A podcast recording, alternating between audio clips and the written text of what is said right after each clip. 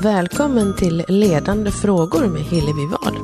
Jag är journalist och författare och inspirationsföreläsare med ett speciellt intresse för ledarfrågor.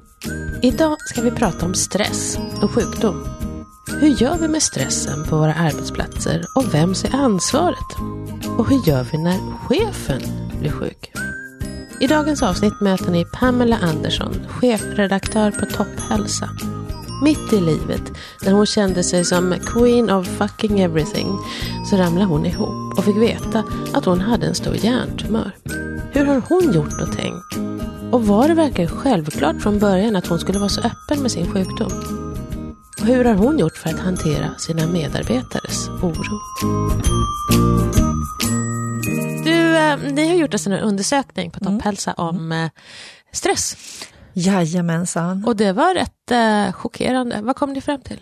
Ja, vi kom fram till att 69 procent av alla svenska kvinnor är oroliga för att eh, gå in i väggen helt enkelt. Vi har gjort den här stressundersökningen under flera år och eh, man liksom när man är medveten om ett problem så hoppas man ju hela tiden att de här hemska siffrorna sjunker mm. för att man liksom hittar nya saker att liksom fokusera på, metoder och sånt där. Men tyvärr så är det inte så, utan det är liksom snarare tvärtom att hälften av alla svenska kvinnor känner sig stressade varje dag. Mm åtta av tio kvinnor känner sig stressade flera gånger i veckan. Och då handlar det ju egentligen inte om den här stressen att du liksom missar en buss och får springa eller stå och vänta, liksom, utan det handlar om, om betydligt allvarligare saker. Mm. Och jag läste en annan siffra om att vi har en miljon svenskar idag som är sjukskrivna för psykisk ohälsa. Ja. Och inte sällan då stressrelaterat. Ja, och enligt eh, siffror som vi fick fram från eh, Försäkringskassan eh, så är det ju liksom den, den största anledningen till att folk blir sjuka idag, så är det stresssyndrom helt enkelt. Och jag tycker det är förfärligt. Mm. Och det drabbar mest kvinnor, eller det där är så svårt att säga, eller också är det kvinnor som tar sig själv på allvar och sina tecken på allvar och går till läkaren. För det låter ju egentligen inte som att det borde vara ett kvinnoproblem. Jag tror att män känner sig lika stressade och sådär, men, men de går inte till, till någon läkare. Jag vet inte varför. Fast vet du, jag tänkte min man Gunnar, ja. som är, liksom är världens lugnaste människa. Han fick stress, han fick ont i magen. Mm. Och då kunde han direkt se att det här är inte, det här, så här brukar det inte vara. Nej. Och då var det för att han, han hade liksom också världens roligaste jobb.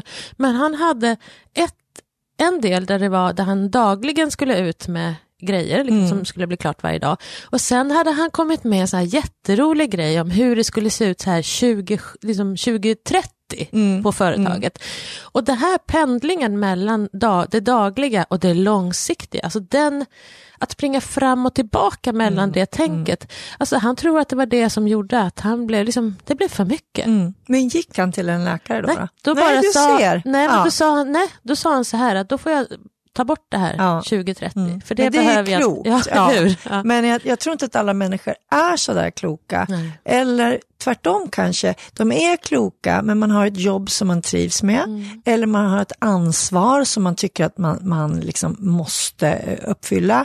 Eller man känner en press från, från omgivningen att jag är inte en sån som ska gå in i väggen, jag är inte en sån som blir stressad av sådana här saker. Det finns otroligt många olika anledningar till att man får och bygger upp den här stressen och inte tar sina egna symptom på allvar. För kroppen säger ju faktiskt till när det går för långt. Och ganska långt innan man har gått över gränsen också. Absolut. Det här att man inte kanske har så lätt att sova, eh, att man känner att, eh, precis som du sa, med, man känner i magen, det gör ont i magen kanske. Alltså stickningar, i, då har det ju gått riktigt långt, men i kroppen, det är massa sådana här saker, symptom liksom. Och när man själv känner också hela tiden att man nästan andas eh, som om man skulle ha varit ute och sprungit. Mm. För att man springer mellan sina olika sysslor. Mm. Jag blev utbränd Och det fattar jag inte förrän långt senare, alltså 2000 där ungefär. Mm. För att jag jobbade dubbelt och mm. jag har liksom alltid tänkt att jag är en sån där som har en fan, liksom enorm arbetskapacitet. Ja. Och sen blev det en sorg ovanpå det, min pappa dog. Och då blev jag liksom sjukskriven för sorg. Mm. Men det var jag ju så här att jag kunde få ett eh, utbrott eh, på redaktionen. Mm. Där jag ja, jobbade. men det är ja. irritation blir, ja. det är ju liksom ett symptom, att man känner sig mera mm. irriterad och arg och frustrerad och så går det ut över andra. Så nu har jag fattat det, jag kan ju egentligen bara göra en sak per dag och det är ju en sorg i sig, att mm. från att ha varit den här människan som man har en enorm arbetskapacitet till att nej, jag får banne mig göra en sak om dagen mm. som är viktig. Mm. Eh, och sen får jag liksom dela upp det där och stoppa in vilodagar. Eh. Och det där är som är så svårt, att liksom hejda sig själv när man tycker att man har ett bra jobb och roligt och det är liksom, man, man gillar att ha den här arbetskapaciteten och så säga till sig själv, vänta nu, det här börjar gå lite för, för mycket jag stoppar in någon ledig dag eller idag gör jag bara en sak. Det är supersvårt för många alltså. Jag känner igen det där. Jag... Men vad tänker du då? Vad har man för ansvar? För du, har, du är ju både människa och så är du chef. Lov. Att jag är människa också. Men vad, alltså, vad har man för skyldighet, eller vad har man för ansvar som, som ledare då, som chef? Alltså, vad, vilka, vad, är, vad är chefens ansvar och vad är ens personliga ansvar, tänker du kring det? Ja, alltså som person så måste man ju ta ansvar för sin egen kropp. Jag är ju ingen tankeläsare. Nej. Eh, det tror jag inte några chefer, eller åtminstone väldigt få chefer är. Eh, och där behöver man ju hjälp av eh, sina medarbetare att de verkligen kommer och säger, alltså jag sover inte på nätterna, jag, jag känner att det är för mycket för mig nu. Eh, kan vi titta på det här, vad ska, vad ska jag göra? Kan jag plocka bort en, en syssla eller kan jag liksom jobba hemma? För ofta så kan man ju göra en massa saker på ett tidigt stadium och det är ju min plikt då som chef att se till att okej, okay, bra att du kom och sa det här till mig. Hur ska vi då kunna liksom styra det här innan det går för långt? För kommer man till chefen när det har gått för långt, när man redan är så att man sitter på jobbet och gråter eller att man liksom inte kan göra, man blir liksom man blir handlingsförlamad, då är det ju mycket svårare. Då kan inte ens en chef liksom gå in och säga, utan då är det ju bara att gå till en vårdcentral, till en läkare och, och få hjälp. Mm. Men det finns ju mycket saker som man kan göra. Det jag gör liksom med topphälsa, det är ju att man försöker se till att eh, medarbetarna går hem i tid. Jag vill inte ha medarbetare som sitter för, lång, för länge på kvällarna, därför att vi har en arbetstid till klockan 17 och nu har vi flex på morgonen, så jag menar, vi börjar kvart över åtta och kommer någon klockan nio så tycker jag det är helt okej. Okay. Och då är det naturligtvis självklart att man kanske sitter över den där 45 minuter på kvällen. Men när man ser det här varningssignalen att folk sitter och man liksom får mail klockan åtta, nio på kvällen, då måste man liksom gå in och säga så här, du, eh, är det något speciellt som har hänt eller varför sitter du så här sent? Och ofta så får man svaret, nej men det här är ju lämning. Och det kan jag ju ta om det händer, liksom. men blir det gång på gång på gång så måste man liksom gå in och säga, nu tycker jag du ska ta någon dag ledigt här, för nu har du jobbat väldigt mycket. Mm. Eh, och sådana saker. Men det är ju jättesvårt och framför allt i den bransch som vi befinner oss i, i, i tidningsbranschen. Och det är eh, vikande siffror på, på, för alla tidningar, print. Vi ska göra mera på mindre tid och på färre personal. Så det är klart att det är eh, en tuff situation där alla ska göra så mycket annat än vad man har gjort tidigare. Jag menar, vi gör inte bara tidning idag, vi gör inte bara printprodukter, vi gör otroligt mycket annat. Mm. Och det är jättekul och det, det, är då det är svårt att liksom sätta sig ner och fundera när man tycker att någonting är så roligt, mm. att det kanske ändå blir för mycket. Jag eh, lyssnade på Kristina Stelle, pratade med henne också om mm. just det här med arbetsglädje och hon säger att men till exempel små saker som ska jag verkligen vara nåbar på telefon hela dagen eller kan jag ta en timme på morgonen och en timme på kvällen? Kan jag bestämma en plats på väg hem, liksom, där jag säger nu stänger jag av jobbet mm. eller på väg till jobbet, mm. om kanske trafikskylt ja. eller någonting. Att sådana saker kan man ju åtminstone försöka jobba på själv. Mm. Jag har ju till exempel min mobil på ljudlöst. Mm. Eh, för jag vill bli nådd. Men när jag blev sjuk för fem år sedan så jobbade min hjärna ungefär som om jag skulle ha varit utbränd. En av mina bästa kompisar då var utbränd i samma veva som jag blev sjuk och eh, eh opererades för min hjärntumör. Och efteråt så kunde jag när jag berättade hur min hjärna fungerade, så kunde hon säga så här, men gud, det är precis som jag. Det vill säga att man vill så mycket, men hjärnan säger totalt ifrån. Och jag hade ju väldiga problem med ljud att ljudet störde liksom hela tiden. Jag fick epilepsianfall, det kändes inget bra i kroppen, hjärnan liksom slog bakut helt enkelt. Den ville ha helt tyst. Och då lärde jag mig att jag, jag stängde av ljudet och nu har jag liksom mobilen eh, bredvid mig. Jag har fortfarande inte satt på ljudet om det inte är väldigt viktigt samtal som jag väntar. För oftast tänker jag så här, ja, men är det viktigt så ringer man igen eller man skickar ett sms. Och då ser jag det. Och det tror jag är en sån här sak som är ganska nyttig. Mm. Och då blir man på något vis, man blir nådd fast man, man ändå inte. För hör man inte så hör man inte. Nej. Men är det viktigt så har man den liksom bredvid och så ser jag att det blingar till. Liksom. Och jag blir inte störd av ljudet. Och det har, har funkat jättebra för mig. Mm. Jag kan också bli väldigt provocerad av när det plingar till. Mm. Alltså både eh, hos dem hemma, men och även, speciellt om man står och pratar med någon ja, och det ja. plingar, man blir liksom jättestressad ja, av det. Men ska vi, ska vi um, prata lite grann, där, eftersom vi kom in på det, om mm. när du blev liksom sjuk från en dag till en annan, eller hur? Ja, Top of the world och sen bara pang. Precis, uh, och det är fem år sedan snart, mm. den 3 juli 2012, då uh, när jag föll ihop och då hittade de då en stor uh, tumör i hjärnan på mig. Ehm, den var stor som ett ägg och eh, den gick inte att operera bort. De försökte ta liksom så mycket som de kunde, eh, men det var kanske två centimeter utav en äggstor tumör som försvann. Och sen så har jag ju då under de här åren lärt mig att eh, inte bara leva med den utan också kämpat emot den. För det är det jag har gjort med cellgifter och strålbehandlingar och, och liksom träning som jag har liksom själv kommit på att det var det som skulle hjälpa mig. Ehm, och jag är så tacksam för att det bara liksom, det var bara en idé som jag bara fick samma dag som jag fick beskedet liksom att de inte kunde göra så mycket.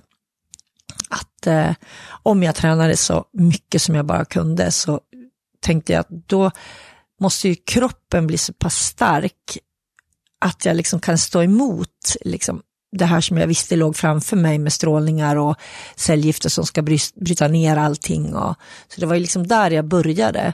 Sen hade jag ingen aning om att när man tränar liksom så, så pass mycket som jag gjorde så händer det väldigt mycket i psyket också. Eh, att de här endorfinerna som man får när man liksom rör på sig, mm. att det påverkar det mentala.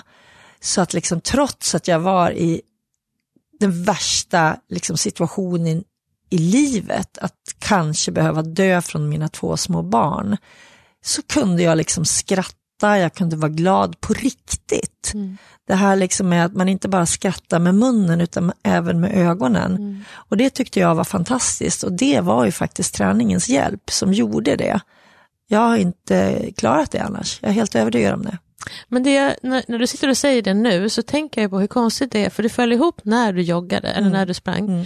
Och jag vet inte om jag hade fallit ihop och fått det här beskedet när jag sprang, då kanske inte det hade varit det som låg närmast till hands, som att Nej. det här skulle bota en. Men hur, hur, någon... och jag vet inte var det kom ifrån, för det var, alltså jag hade ju knappt tränat på liksom hur många år som helst. Eh, jag tror det var åtta år som jag inte hade tränat, liksom, sen barnen kom i princip. Så att jag, jag tror att jag gick tillbaka till, på något vis, till min grundidentitet.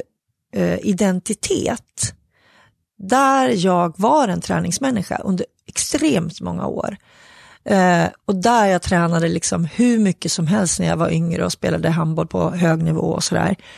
Och att jag liksom, jag, jag vet inte vart liksom tanken kom från. För det var som du säger, det, det, var inte alls självklart. Varför skulle jag göra det?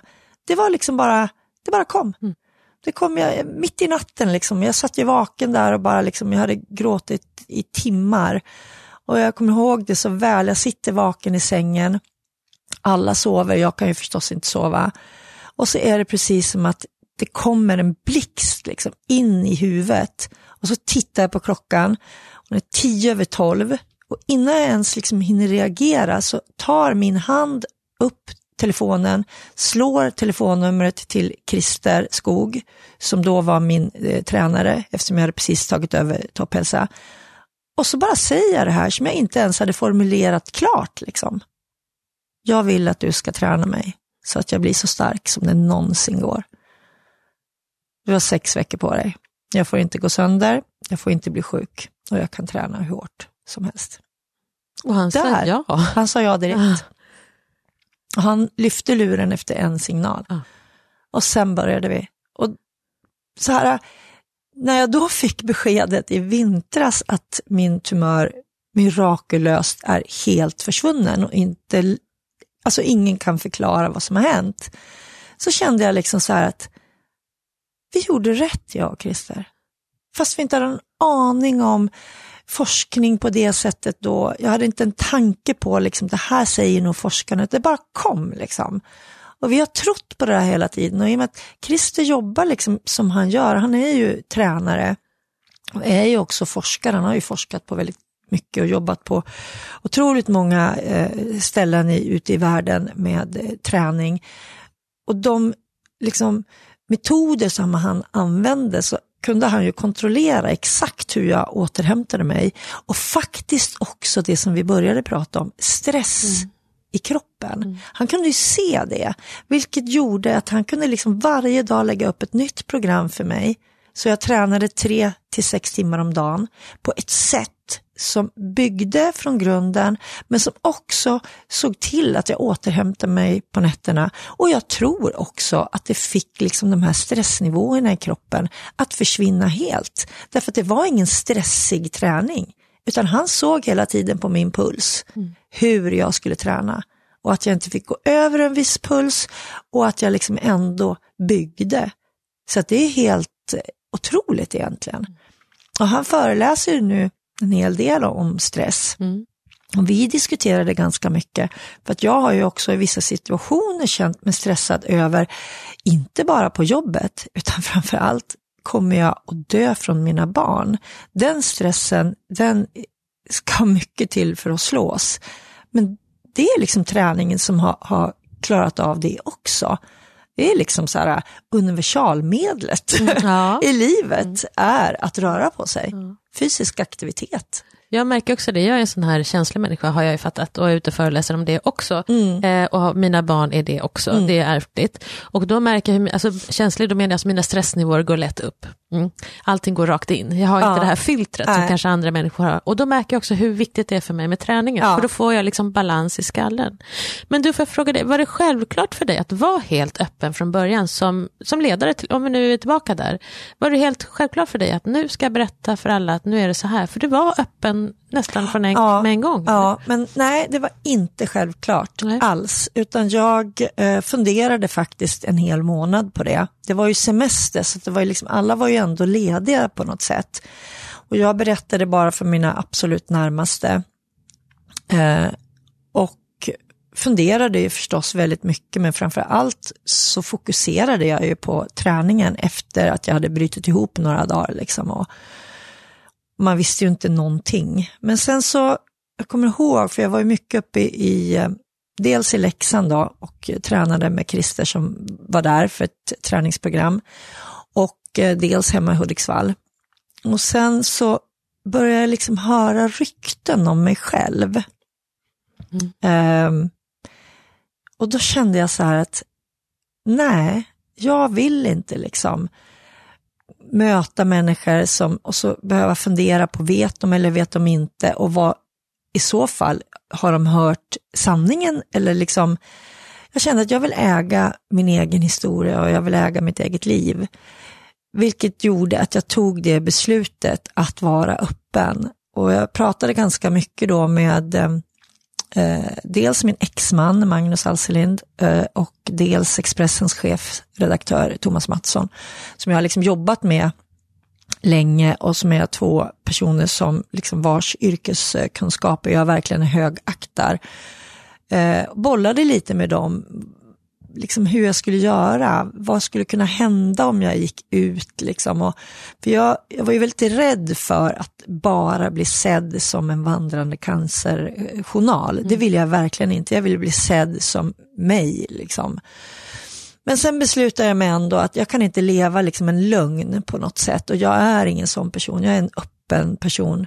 Och då tog jag det beslutet att jag gick ut både i Expressen och på min blogg på Topphälsa och i Hudiksvalls tidning där jag liksom kommer ifrån och jag känner väldigt mycket samtidigt. Och eh, det gjorde jag. Och dagen efter då när allt kom med tidningen och på bloggen, det var en fruktansvärt jobbig dag. Det var precis som att jag hade levt trots allt i någon slags bubbla, liksom, där de närmsta visste och sådär. Och så vaknade jag på morgonen och kände mig liksom stärkt av det här ändå, att allting gick ut samtidigt och sådär. Och jag vaknade klockan sju på morgonen och då såg jag liksom att smsen hade börjat ramlat in redan klockan sex liksom. Och det bara välde in och folk mässade det var, och det var liksom löpsedel i Hudiksvall på, på mig och, och jag, eh, det var fruktansvärt jobbigt. Det var precis som att det blev verkligt. Liksom. Fan, jag kanske ska dö snart. Jag bröt totalt ihop. Det var en jättejobbig dag. Men sen tänkte jag så här att ja, men jag kan inte liksom gömma mig. Eh, och en vecka senare bestämde jag mig för att jag skulle gå tillbaka och jobba innan de skulle operera mig. Och det var också en sån här jobbig dag. Att liksom möta alla eh, arbetskollegor som folk vet ju inte hur de ska reagera. Hur ska de möta en? Ska de komma fram och krama en? Ska de liksom beklaga? Ska de låtsas som ingenting? Vågar man vara glad? Det var liksom en jätte, det var ganska jobbigt faktiskt. Men jag samlade min personal. Dels hade jag eh, mejlat till dem alla så att alla visste. Och så mejlade jag att jag kommer in och så samlade jag dem direkt och så sa jag det liksom att jag vill att ni ska veta att när jag är här så är det för att jag eh, mår bra och då vill jag bli behandlad precis som den jag är innan jag blev sjuk. Är jag inte här så kommer jag och, och meddelar och då är det förmodligen för att jag inte mår bra. Så att när jag är här så, så ska det vara precis som vanligt. Men det är klart att de första två, tre dagarna var det ju inte alls som vanligt och framförallt, jag menar vi sitter ju, alla tidningar som Bonnier har liksom sitter ju i samma hus. Så att det, det, är klart att det var ganska tufft de här två dagarna. Man gick ju hem och var helt slut mm. alltså. Men det blev bra till slut. Men för jag tänker det är så mycket där, alltså en chefs en av de viktigaste uppgifterna man har är ju att skapa trygghet. Ja. Så att folk vågar ta ut mm. svängarna med det de håller på med naturligtvis. Eh, och våga vara snälla mot varandra mm. och allt det här, att man vågar öppna sig. Eh, och då tänker jag att det måste bli så otroligt mycket oro kring det här. För det första, Tänk om jag också får cancer? Ja, jag menar, ja. har de hittat på henne kan de väl hitta på mig? Du vet, här. Mm. har jag inte lite ont i huvudet? Ja, man skapar ja. den oron. Ja. Och sen också det här med vad, får man, vad kan man säga nu, precis som du mm. säger. Och när, um, hur, alltså hur du hade det här första mötet med den, men hur har du liksom, det måste vara en pågående process, tänker jag, hela tiden, eller hur gör ja, man? Ja, men det är det ju, och dessutom så tycker jag, vi är ju en liten redaktion, liksom. vi är ju sex, sju personer på redaktionen. Och jag menar, då går det ju inte liksom att hålla saker och ting hemligt. Och jag tycker inte att jag ska göra det heller. Sen går ju inte jag liksom och, och sitter och berättar hur jag mår på varenda möte. Men de här stora sakerna tycker jag att det är viktigt för dem att, att de vet också. Um, och jag menar, jag vet liksom att det finns många chefer som tycker att ja, man får inte säga så mycket om sitt privatliv och man får inte visa sig svag och sådär. Men det går liksom inte att hålla någon slags låtsasfasad liksom när man är chef för sju personer, utan vi är team och jag är den som bestämmer och det vet alla. Men det finns liksom utrymme för, faktiskt att ta hand om varandra på ett kanske lite mera intimt sätt, att visa medkänsla och att faktiskt också eh, få fälla några tårar, inte så att man bryter ihop, för jag är inte en sån person som gör det, Nej. helst inte inför andra, men det går liksom inte eh, att inte ibland fälla en tår. Och jag tycker att eh, mina medarbetare har liksom tagit det fantastiskt bra. Och jag tror också att de har uppskattat att de har fått veta allting innan alla andra. Så att man liksom kan förbereda sig, liksom. för det är ju jobbigt om chefen är sjuk. Ja. Det förstår jag också. Vem ska ta beslutet då? Ja. Och vad händer nu? Och hur mycket vågar man fråga? Så där har jag ju varit jätteöppen liksom. Och bara sagt, är jag här så är jag som vanligt och är jag inte här så mår jag dåligt. Och det har de ju tagit Har det superbra. förändrats någonting här? Alltså tycker du att de har steppat upp eller har, har du delegerat mer? Eller förstår du bara? Ja, slags, eh, nej men jag, ja kanske, fast mm. det, ingenting som jag liksom egentligen har tänkt på. De kanske har tänkt på det, men jag tycker nog att eh, alla, vi har ett bra team där alla tar liksom eget ansvar. Eh, och det är inte så att de sitter och väntar på att jag ska komma in och säga vad de ska göra. Nej jag kan ju liksom komma in senare skede och i så fall säga bra jobbat eller ja, det där ser bra ut, men vi kanske, jag tänker vi gör så här istället. Alltså helt normala saker. Eh, däremot så tycker jag nog att man liksom, när man jobbar under sådana här förhållanden och så nära varandra så blir man ju också eh, mera tajta mm. som grupp. Liksom. Eh, och de har ju sett, eh, jag har ju till exempel ett eget rum där vi sitter nu. Um, och det har varit väldigt bra för mig och där har min arbetsgivare, alltså mina chefer, varit otroligt stöttande. För från början så hade jag ju som sagt jättesvårt med ljud och överhuvudtaget. Så då fick jag ett eget rum. Och, och det har jag fortsatt att haft hela tiden och det har betytt mycket för mig. Mm. Att liksom få det stödet från dem.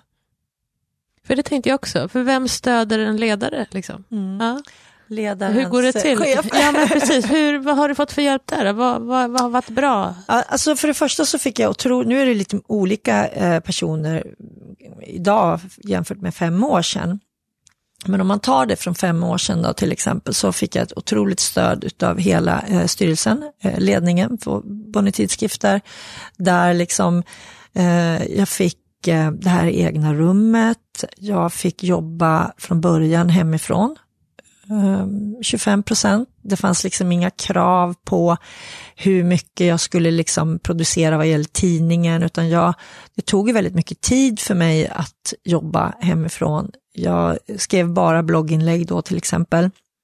Och allt som hade tidigare tagit liksom 10 minuter för mig att skriva, det tog ju liksom 25 procent av en arbetstid att skriva ett inlägg. Det var ju liksom, hjärnan fungerade inte, eh, orden kom inte som de skulle, Eh, när jag skrev och tittade vad jag hade skrivit så var det bara tok. Jag hade kastat om meningsbyggnader, jag hade skrivit samma mening flera gånger. Det var liksom helt snurrigt i hjärnan helt enkelt. Och det där fick jag ju liksom jobba jättemycket med, så det var ju därför det tog sån tid. Och jag fick den chansen att göra det, vilket har gjort att jag inte har något problem att skriva på det sättet nu, utan jag har tränat upp väldigt mycket. Medan jag fortfarande har problem med talet, som inte så många eh, hör kanske. Men jag jobbar ju varenda dag för att orden ska komma ut som de ska. Mm. För min tumör låg ju i talcentrum. Och det var ju inte ens eh, liksom helt säkert att jag skulle kunna prata efter operationen. Och jag, när jag blir trött så tappar jag väldigt mycket ord. Och jag har tappat eh, alla språk. Jag har fått lära om. Jag förstår allting som jag har pluggat. Eh, jag kan läsa det, men jag kan inte uttala orden. Men är inte eh. det en stress i sig då, tänker jag? Vad gör du med den stressen? Ja, fast vet du, när man tror att man ska dö, mm. Då betyder inte engelska, franska och spanska så jävla mycket.